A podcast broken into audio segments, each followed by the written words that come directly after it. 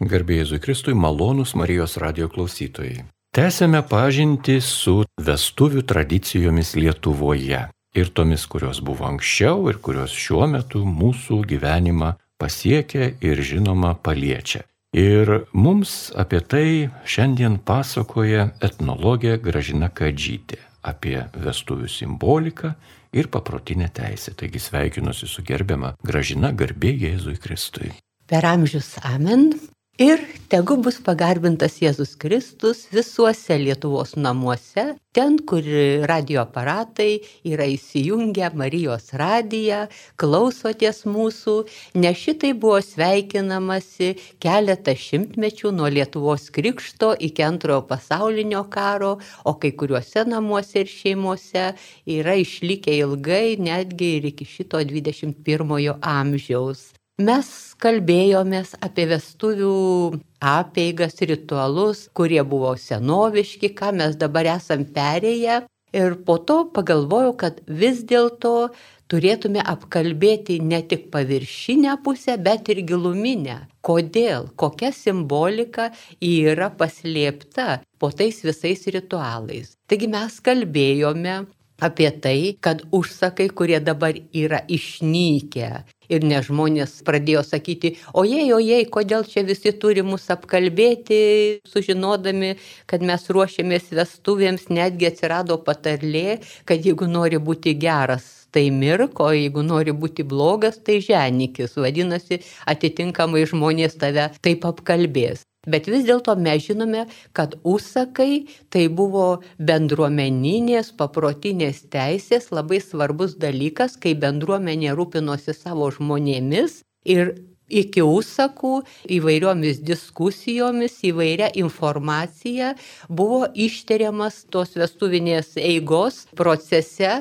būsimos santokos tvirtumas ir tikrumas, dėl ko dabar kai kas, kai nori paneigti savo tą prieš tai buvusią santoką, įrodyti, kad jinai buvusi negaliojanti, atgalinė tvarka, ieško ir liudininkų, ir parodymų, ir visa kita. Tai seniau suprasdavo, kad geriau turbūt neatsukinėti laiką atgal, bet prieš tai viską aptarti, kokios kliūtis gali būti šitos jaunos poros gyvenimo kelyje. Ir rusakai tam labai padėdavo. Aš jau minėjau, kad pagal paprotinę teisę vestuvės tai buvo pats toks didžiulis atraminis žmogaus gyvenimo įvykis tarp dviejų pagrindinių mūsų gyvenimo taškų - gimimo ir mirties. Tai yra trečia atrama, kuri padaro mūsų gyvenimą pastovų, tvirtą, tokį leidžiantį mums savimi pasitikėti.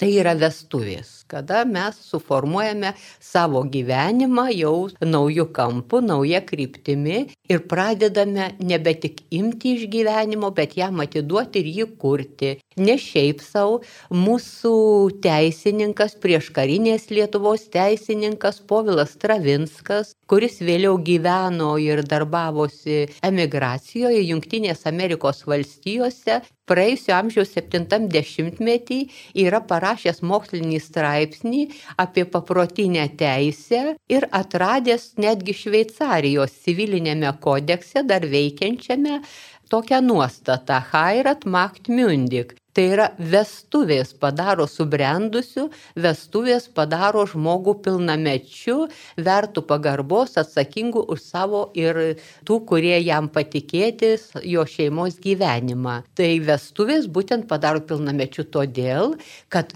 senovėje paprotiniai teisėjai buvo labai svarbus žodis vertinamas buvo žodžio žmogus. Jeigu jis davė žodį ir sugeba jį teisingai išlaikyti, vadinasi, jis yra žodžio žmogus. O santokos priesaika Tai yra pirmasis priesaiko žodis, ko gero žmogaus gyvenime, kada jis pas apsisprendęs tą žodį duoda, prisiekia. Ir štai jis prisiekia, kad kol gyvensiu, iki mirtis mus įskirs, aš šito žodžio laikysiuosi. Kiltų klausimas, o kaip tada atsitinka, jeigu iš tiesų pasirodo ir jau po užsakų ir viso to visuomeninio svarstymo ir šaukimų, atšaukimų ir dėrybų, pasirodo, kad kažkurio metu gyventi kartu tiesiog neįmanoma, ką darydavo mūsų senoliai, kurie laikė tą santoką neišardomą ir aplinkinė opinija tą laikė. Taigi, kartais būdavo ir senesniais laikais, na, žmonės įsiskiria, išeina į vieną pusę į kitą, bet e, gerbtinai žmonės, e, jeigu laikydavosi savo pusės santokinės ištikimybės, tas žmogus buvo gerbiamas, jeigu jis kitur nesišvaistė į kitas šalis. Na, jeigu žmogus, taip sakysime, sueidavo į tokį bendrą gyvenimą su kitais žmonėm, be abejo, jo net stumdavo bendruomenė, bet jau laikydavo, kad jis nėra visiškai patikimas Tiesiog jis būdavo truputėlį nuošaliai, jam nepatikėdavo pačių svarbiausių pareigų, nesodindavo garbingoje krikštasolėje, bet jis būdavo šičia šalia, lyg ir truputėlį nuošalį, bet kartu su visais. Labai svarbus dalykas vestuvinėje rėdoje buvo tai, kad šeima būtų sukurta, beje, labai irgi taip įdomiai atsitiko, kad dabartinė jaunoji karta dabar kūrė vėliau šeimą ir būtent pagrindžia tuo, kad reikia susikurti ekonominį pamatą, kur gyvensime, iš ko auginsime vaikus, kaip jau bus, kad turėtume būti apsirūpinę tam šeimos gyvenimui. Tai vėlgi apsisuko laiko ratas ir pagal, kad ir modernę sampratą mes grįžtame prie senosios. Neseniau taip ir būdavo, taip sakysime, na, kol jaunas žvalgaisi, viskas gražu, viskas patinka, įsimylė gal ir dešimtį kartų ir dūsauja ir nemiegi ir taip toliau, bet kai ruošiesi vestuvėmis, tai čia jau pasiruoši labai rimtai mes daugiau žinome apie moteriškąją pusę, apie kraitį ir pasogą. Pasoga tai yra dalė, kurią tėvas duoda iš čia iš tėvo, tai yra dalis pinigais, dalis, tarkime, iš ūkio kažkas tai karvė su veršeliais ar dar kažkas tai gyvulių šiek tiek įvairių baldų ir dar to tai yra dalis. O pasoga Tai jau yra, ką sukrauna moteriškoji šeimos pusė, tai čia ir kraičių skrynios, kad užtektų ir apsirengti, ir stalus nutiesti, ir dovanoms duoti.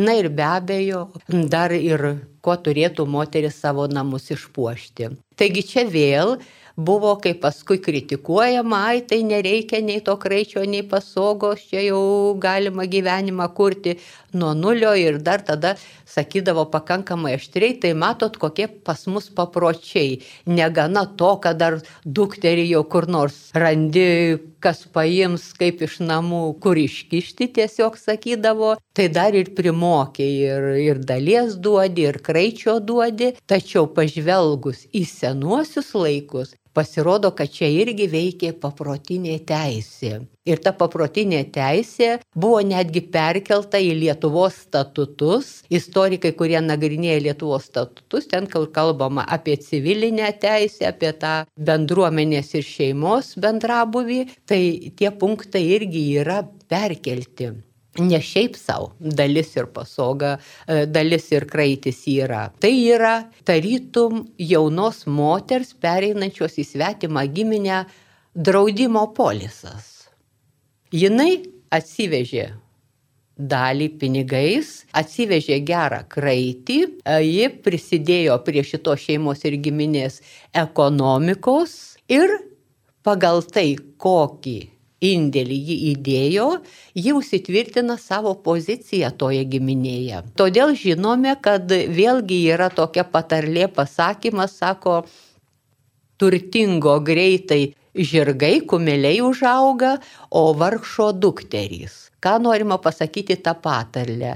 Kad turtingasis, jisai didžiuojasi savo žirgais, turėdavo žirginus ir būdavo labai jau, jeigu nori pasididžiuoti, tai tarkime, čia metus porą važinėja obolmušiai žirgais, po to jau turi sartų žirgų, po to turi viską, nes labai brangiai kainuodavo, o štai pasirodo turtu. Tuo tarpu jo dukros visai neskubėdavo ištekėti labai gerai pas tėvus ir be to kraunasi kraitį, kraunasi dalę, kraunasi savo būsimojo gyvenimo pamatą. Tuo tarpu vargšo šeimynoje, kur nelabai yra nei to pinigo, nei kitokio turto, o vaikų nemažai ir dukrų būdavo nemažai, reikia žiūrėti, tada buvo paprotiniai teisė įvestas punktas eiliškumas, kad pirmiausia turi ištekėti vyriausioji dukra ir po jos visos pailiui, kad neplenktų, nes jeigu aplenkia jaunesnės, tai vyriausiai dukrai jau nebelabai ką lieka, lieka eiti turbūt, e, jeigu gali patirti pašaukimą, išvestą į gyvenimą, išeiti į vienuolyną, na jeigu ne, tai bent jau į tą paprastą į davatkiną prie bažnyčios, prie parapijos, kur galėtų būti. Taigi vaikų gyvenimas irgi turėdavo būti parikiuotas, tai jau yra tėvų atsakomybė įvesti žmogų į gyvenimą ir paskui išleisti. Po to jau kiekvienas savo gyvenimą gyvena, būtent nuo to apsisprendimo, ką jis pasirinks, ar pašvestą į gyvenimą, ar santokinį gyvenimą, bet tai jau yra jo paties apsisprendimas ir jo paties gyvenimas. Tai va, tos jaunos mergaitės varguolių šeimose tikrai nebūdavo iš ko ir dalies didesnės sukrauti, ir kraičio. Ir tada buvo stengiamas išnaudoti pagrindinį kapitalą jų grožį ir jaunystę. Kad štai galbūt, sakysime, turtingas senesnis našlys pasižiūrės, jau reikia jam jaunos žmonos Bet čia atsitikdavo taip, kai nuotaka nukeliauja į vyro pusę, su visais prieš ją atveždavo kraitį ir pasogą, ir tada būdavo antrą dieną vadinamasis marčpėtis, kada nuotakos vočia padengia stalus, jinai atveža pilnas skrynės piragų įvairiausių kitokių valgių paruoštų, nukloja gausų stalą. Ir čia jau spręsdavosi, kasgi toliau bus šių namų šeimininkė. Nes ne tik mūsų, bet ir visose tautose patarlės sako, kad dvi šeimininkės vienoje virtuvėje negali sutilpti. Tai va, jeigu atkeliauja marti iš turtingos šeimos, su didelė dalimi ir kraičiu, tai per marčpėtį gali atsistoti marti su svočia ir pasakyti, įnešiau tiek dalies ir tai sudaro ten didelę dalį, vos ne pusę jūsų ūkio turimos ekonomikos, atsivežiau tokius ir tokius kraičius, kurie užtikrina man visą tą gyvenimą. Tai dabar, mėla Anyta, prašom samčius ir raktus ant stalo ir nuo šiol bus pagal mane šeimininkavimas. Tai čia atsiranda tas patarlės papildymas. Mes žinome Anytą velnio pramanytą, daugelis sako, bet e, beveik niekas nesimena senosios tos pirminės patarlės dvinarės, kada sakoma, bet būna ir marti kaip pipiras karti. Tai va čia tas atvejis, kada Marti iš karto perima vadovavimą. O susirinkę svečiai, tai kaip tik tai yra tas viešoji bendruomenės teismas, liudininkai paliūdė, kad tikrai Marti įgyja tą teisę.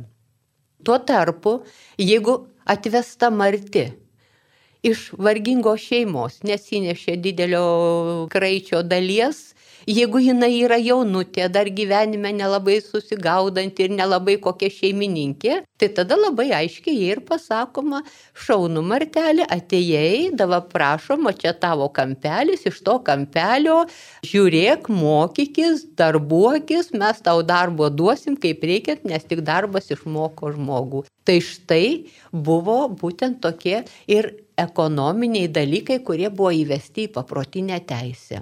Toliau kalbant apie paprotinę teisę ir simboliką, matyti iškiltų klausimai, na, o kaipgi čia toliau dabar eina, kaip jau minėjau, į bažnyčią ir vėlgi sakoma, kokia nuotaka ateina į bažnyčią, kaip ją atsiveda. Nuotaka dabar mes dažniausiai suprantame ateina su baltu drabužiu, Ir vėlgi tas pajokavimas, kodėl nuotaka su baltu drabužiu, jaunikis su juodu kostiumu, čia suvedama, čia džiaugsmas, čia gedulas, čia visa kita.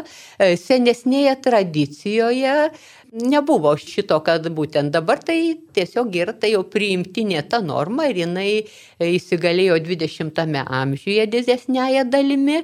Na, aristokratų vestuvėse mes žinome, kad dažniausiai gražiausios visų švenčių suknelės visada buvo baltos arba šviesios. Čia irgi susisieja su tuo. Bet šiaip galėjo būti, kadaise buvo paprasčiausiai tas tautinis išeiginis kostiumas ir atitinkamai tik tai galvos apdangalas nurodydavo moters statusą.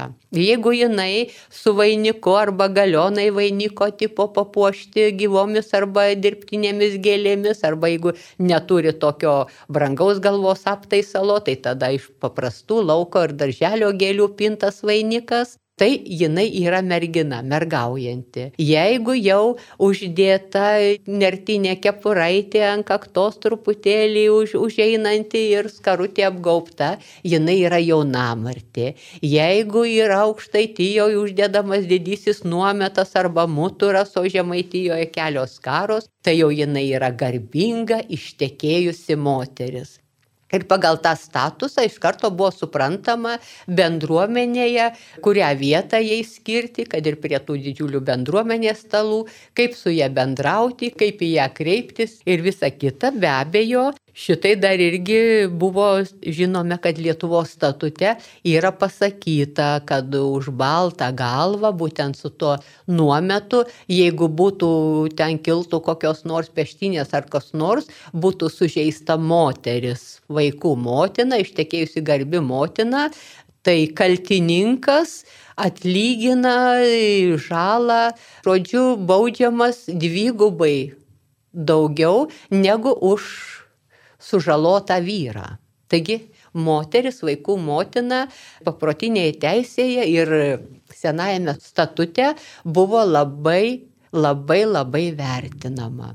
Tačiau, kad eiti į moterystę, reikia pereiti įvairias pakopas. Ir štai einama iš tėvo namų Ir čia matome, kad labai daug vestuvinių dainų kalba kaip tik tai apie vainiką, rūtų vainiką, kuris paliekamas, pažadamas, paleidžiamas vandeniu, dedamas į skrynelę, kas sudžiūtų ir saugotų ilgus metus kaip geri prisiminimai. Jeigu kalbama apie bajorų šeimas, didžiūnų šeimas, ten mirtų vainikas yra, mirtos kambarinės gėlės būdavo, bet tai jau yra vėlesni laikai. O ankstesnius laikus mes galime e, atstatyti prisimindami, kada ortodoksų pravoslavijos cerkvėse mes žinome, jog santoka vadinama venčianyje, vainikavimas, karūnavimas ir ten virš jaunųjų nešamos dvi karūnos. Mes tą matome daug paprotinių teisių, matome, kai žiūrime karalių vestuvės, jeigu jas mums transliuoja per televiziją. Tai irgi yra daug paprotinės teisės. Taigi santoka bažnyčioje yra dviejų giminių suėjimas, persipinimas šitoje jaunoje poroje ir štai vainikas tai yra ta karūna, kurioje yra nuotakos giminės ženklas. Dabar jau yra išnykęs jaunikio vainiko giminės ženklas, bet nuotakos vainiko ženklas lyg ir yra likęs. Tas e, palikimas dar yra mūsų tradicijoje pakankamai vėlyvoj, bet žinomoj 20-ame amžiuje, tada, kai santokos metu. Kunigas palaimina žiedus, jaunieji pasikeičia žiedais, kunigas ištaria paskutiniuosius palaiminimo apieigų žodžius ir tada pasiūlo, kad pirmoji pora vyriausia pamergė ir vyriausias pabrolys, o tai yra nuotakos draugė geriausia ir jaunikio draugas geriausias, būtent atstovaujantis tą jaunimą, kuriame jaunimo pulką, kuriame išaugo vienas ir kitas, persega gėlytės nuotakos vainikėlį persega iš kairės pusės į dešinę ir jaunikio gėlytę atlape taip pat persega, parodydami, kad pasikeitė. Tai čia yra atspindys to senojo papročio, kada buvo pasikeičiama giminių ženklais.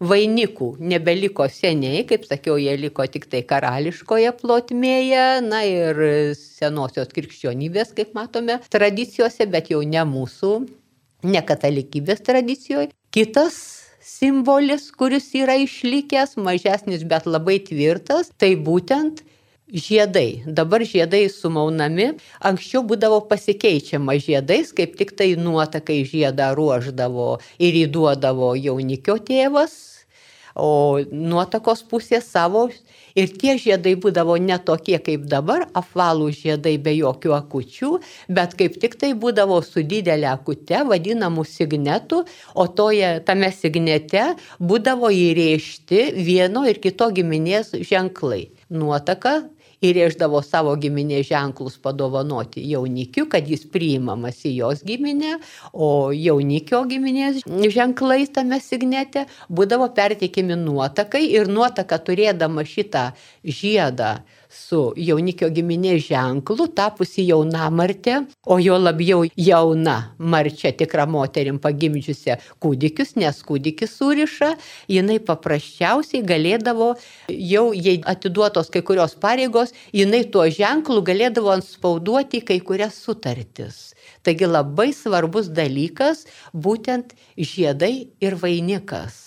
Na dabar jau yra ta aptrupėjusi, tai jaunikio pusė paruošia žiedus ir atveža, apsikeičia žiedais, o nuotakos pusės, kada jau nusėgamas vainikėlis, vainikas, kaip ir sakysime, irgi tos šeimos. Taigi čia yra, vėliau papročiai buvo sakome, tai vainikas čia yra paliudijimas skaistybės, taip skaistybė išlaikyta iki vestuvių buvo labai svarbu, bet čia tas vainikas nebuvo būtent dėl to akivaizdumas, bet buvo, kad aišku, nuotaka visada, kaip ir jaunikis, augantiems vaikams visada tėvai primindavo, kodėl jie turi elgtis gerai, pavyzdingai, pagal visas dorovės normas, pagal dešimt Dievo įsakymų, pagal e, visus kitus e, bendruomeninius nuostatus ir paprotinę teisę tam, kad nepadarytų gėdo savo giminiai ir plačiai giminiai, pusbrolius, dėdės, tetas ir taip toliau. Ir tai giminės išaknis e, išeinančiai seneliams, prostenėliams ir bočiams. Tad atsisveikindami su pirmoju gyvenimo etapu iš priklausomybės tėvams, kol yra tėvas savo tėvų sūnus ir dukros, jie turėdavo tiesiog tam tikrą simboliką paženklinti, kad štai yra taip. Mes šitais simboliais pasakom, baigėme vieną gyvenimo etapą ir pereiname į kitą. Malonus Marijos radio klausytojai, jūs girdite laidą, kurioje apie vestuvinius papročius, jų simbolikai bei paprotinę teisę pasakoja etnologė Gražina Kadžytė. Taigi tęsėme laidą. Na ir kaip daugelie mūsų dainų dainuojama, štai bažnyčioje sudaryta santoka jau yra patvirtinanti naują gyvenimo tarpsnį, kada jauna šeima susikūrė, dar šeima pagal senąją papročių teisę linkėdavo, kad tai būtų tvirta šeima, bet kol kas šeima jaunavedžių nevadindavo. Kol negimdavo pirmas kūdikis, tai ir būdavo jaunavedžiai su tuoktiniai. Šeima lietuvių sampratoje buvo suprantama taip - tėvas, mama ir vaikas. Be abejo, į tą pirminę šeimą įsiliedavo ir aplinkiniai, ir ta šeima augdavo didžioji šeima, kada ir seneliai yra, ir dėdės, ir tetos, ir pusbroliai, ir pusseserės. Beje, kaip kartais tenka girdėti ir įvairiuose homilijose, ir Marijos radio laidoje klaus drąsiai, kada aiškinamasi Jėzaus Kristaus ta giminystė, iš kur čia jau broliai tie atsirado su motina atėję, tai būtent ir Lietuvos paprotinėje teisėje nuo seno būdavo, kad artimesnė giminė, pusbroliai ir pusseserės buvo vadinami broliais ir seserimis. Juk senojoje didžiojoje paprotinėje patriarchalinėje šeimoje, kada pradėta skirstytis žemės sklypus, norėjo tai tiesiog tėvų namas būdavo sklypo vidury, o sūnų šeimoms iš tos didelio ploto atrėždavo žemės sklypelį, jie statydavosi namus Ir taip įsistatydavo pirmieji kaimai Lietuvoje atsirado. Būtent iš tokių mes žinome Vilučių kaimai, Dervinių kaimai, Gražiškių kaimai. Tai kaip tik tai būtent nuo asmenvardžio. Gražys, Vilutis ar Dervinis įsikūręs kažkurioje vietovėje, šitą žemę apdirbęs, dirbamą žemę paruošęs tą savo didelį ūkį, paskui savo sūnums padalindavo, kad jie paskui kaip mokėdami. Iš tai čia vaikai augdavo kartu. Tai tiesą sakant, jie ir gyveno kaip broliai ir seserys. Beje, pasakyčiau dar daugiau, iš mūsų paprotinės bendruomeninės teisės ir yra dar išlikę man pačiai teko patirti, kada dar, na tiesiog pataikiau augdama tokiame kaime, kur dar nebuvo išnykusi jaunimo vakarėlių vadinamųjų gegužinių tradicija. Kada kas nors prie savo namų ar ten berželių giraitė yra, tai paprasčiausiai tik berželius papuošė kaspinais ir muzikantus pasikvietė, arba berželių nukirstų ratą pasidarydavo, savo kiemę sukviesdavo ir šokdavom ten. Ir bendraudavom ir bendraudami aš atsimenu, labai dažnai vieno kaimo jaunimas vadindavo vieni kitus broliukais ir sesutėm.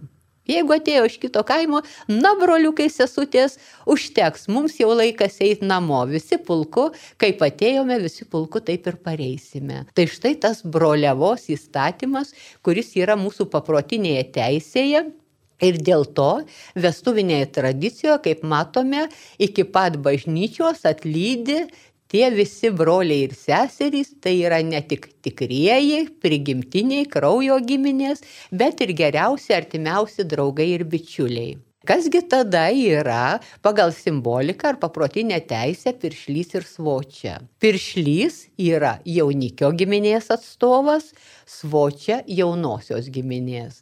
Jaunieji Paprastai čia jiems suteikiamas vestuvinėje rėdoje statusas tarytum karaliai, kunigaikščiai, kurie yra, jie gerbiami, jie išžavimasi, jie išdžiaugiamasi, bet jie nieko nedaro, kad patys ten ką nors organizuotų ar ką nors darytų.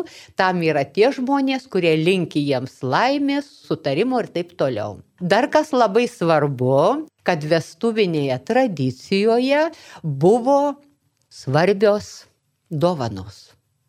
Mes irgi žinome ir svarstome, kaip dėl tų dovanų, anksčiau būdavo dovanų, kada jaunieji, čia jau mūsų pripratime, kai, tarkime, būdavo 20-ame amžiuje, antroje pusėje, gauna 10 servizų įvairiausių ir neturi kur dėti ir taip toliau. Tai čia truputėlį toks jau apnykęs dalykas žmonių iš nesupratimų. Nes matome, kad senosiuose vestuvėse tiesiog arba duodavo, arba pažadėdavo svečiai, juos irgi taip iškalbindavo, ką duosite, ką pažadėsite labai tokius reikalingus dalykus. Moterys pridėdavo prie kraičio skrynios dar audinių, vyrai galėdavo pažadėti, kad jie ten, sakysime, paugintą kokį gyvulėlį, padovanos jaunai šeimai prasikurti. Jeigu yra matininkas, tai požius pasakys, kad jis nužies šeimininkį puodų atneš, kad ten vežimą račius padarys, kad dar kažką.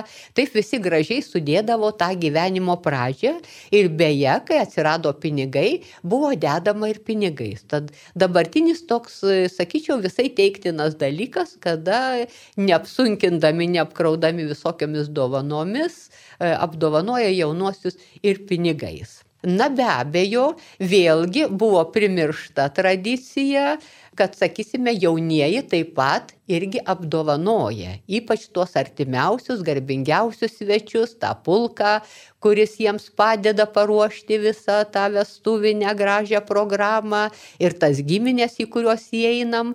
Tai čia dar yra išlikę, kad to nuotakos tas apdovanojimas, bet būdavo taip, kad jaunikis vykdamas į nuotakos pusę, įsiprašydamas, irgi atveždavo savo motinos tėvo įduotas dovanas ir uošviai, ir uošviai, ir svainiai, ir svainiui, nuotaka taip pat dovanomis. Ir nuotaka kadangi jinai jau gyvens toje vyro pusėje, jinai turės būti priimta ir į bendruomenę, tai jinai turėdavo turėti savo audimuose dažniausiai, čia iš audimų, kadangi lengviausiai labai daug dovanų. Šešurui, Anytai, piršliui ir kitiems vyriausiems žmonėms dovanodavo vadinamuosius stuomenis. Kas yra stuomuo? Stuomuo tai yra gražios, geros lininės drobės audinio gabalas išrėtimo atriektas tiek, kad žmogui užmetus ant pėties E, jisai nutystų iki pat e, kojų pėdų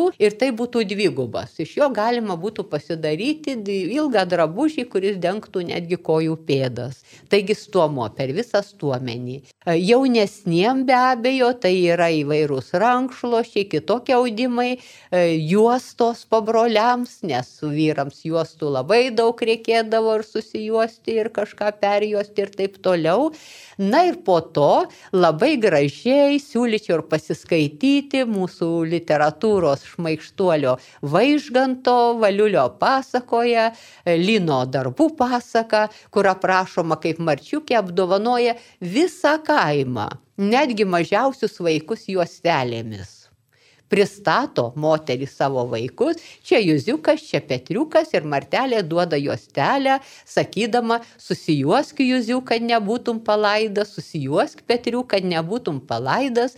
Vaižgantas sako, ir štai ta juostelė Marti tarytum pririšo viso kaimo vaikų širdeles prie šitos sodybos. Dabar jie čia lakstys, žiūrės, kaip gyvena ta jauna graži karalaitė atitekėjusi į mūsų marčias. Bendruomenės gyvenimas, šeimos gyvenime būdavo labai svarbus ir tai išreiškėja per vestuves. Be abejo, nebūdavo tada didžiulių tokių salių ir kaimo sodybų, kad galima būtų sutalpinti, kaip dabar vadinamos storos lietuviškos vestuvės, šimtą ir du šimtus svečių, bet būdavo kitaip pagrindinių svečių, kurie būdavo kviesti užstalę, buvo tikrai nedaug. Užstalėje sėdėjo garbingo amžiaus vedę žmonės, Na ir jaunimo pulkas, tas, kuris asistavo važiuojant į bažnyčią, bažnyčioje grįžtant po bažnyčios.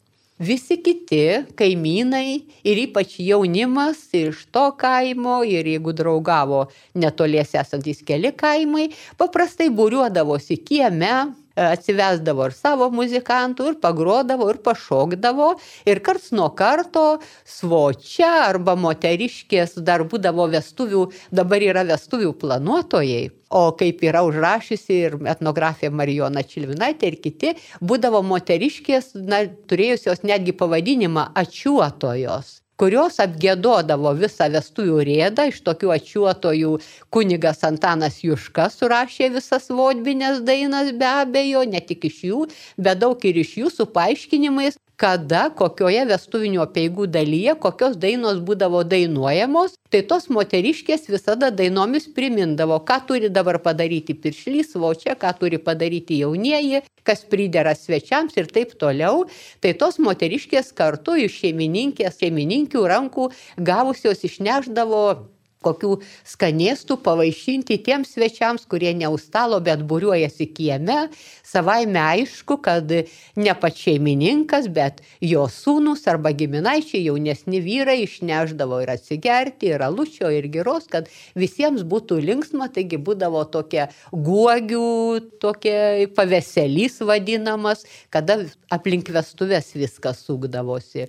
Ir tai dar ne viskas, kadangi vestuvės tęsdavosi, aš jau esu minėjus, kai kur ir keletą dienų, tai visi ir, ir truputėlį ir nuvargdavo, bet nieko tokio, visi jauniesiems linkėdavo be abejo, kad būtų daug gražių vaikučių, yra toks jo pasakymas aplink pečių eilės trys, kad būtų tokie gražūs palinkėjimai, svečiai įsiskirstydavo, bet tuo dar viskas nesibaigdavo.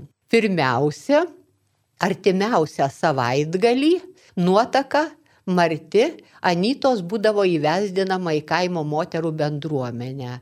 Tai čia dažniausiai visiškai, jeigu vestuvės pasibaigia ketvirtadienį, tai va čia kokį šeštadienį taip ir galėdavo būti, ar penktadienio vakarą lygų kur, nes ypač aukštaitijoje žinoma, kūrenamos pirtys tam tikrą dieną ir ten susirenka kelių šeimų, kelių giminių. Pirmą vyrai įsiprausia, paskui jau moterų pirtis, nes moterys ilgai užtrunka. Taigi čia su duo duona su dar vestuvių vaišių likučiais, atsiveda Anytą Marčią ir moterys pasivaišindamos jau apkalba įeina į tą bendruomenę.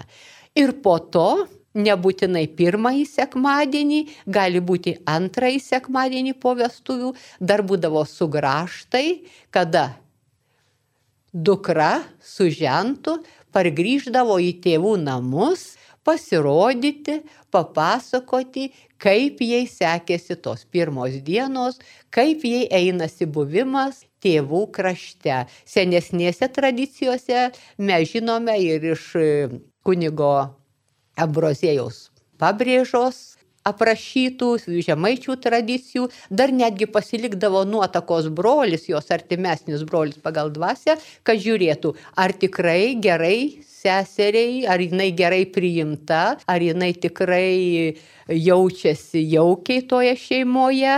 Ir dar būdavo, tarkime, lyg ir toksai atstovas, kuris pasakydavo, o dar mums reikia tradicijų, dar mes turime pareikalauti, kad mūsų sesuo užimtų tą vietą, kurios mes jiems linkėjom ir kuri buvo sutarta ruošiantis vestuvėms. Na ir tada jau prasidėdavo martavimas, jaunamartės, jaunavedžiai ir visos abi šeimos vis, ir visos giminės, visos bendruomenės laukdavo, kada ateis pirmoji gyvybė, visiškai surišanti šitas giminės ir pilnai sukurianti naują šeimą. Bet apie tai aš manau, kad mes jau galėsime pakalbėti kitoje mūsų laidoje. Malonus Marijos radio klausytojai, girdėjote laidą apie vestuvių papročius Lietuvoje ir jums pasakoja etnologė Gražina Kadžytė. Likite su Marijos radiju.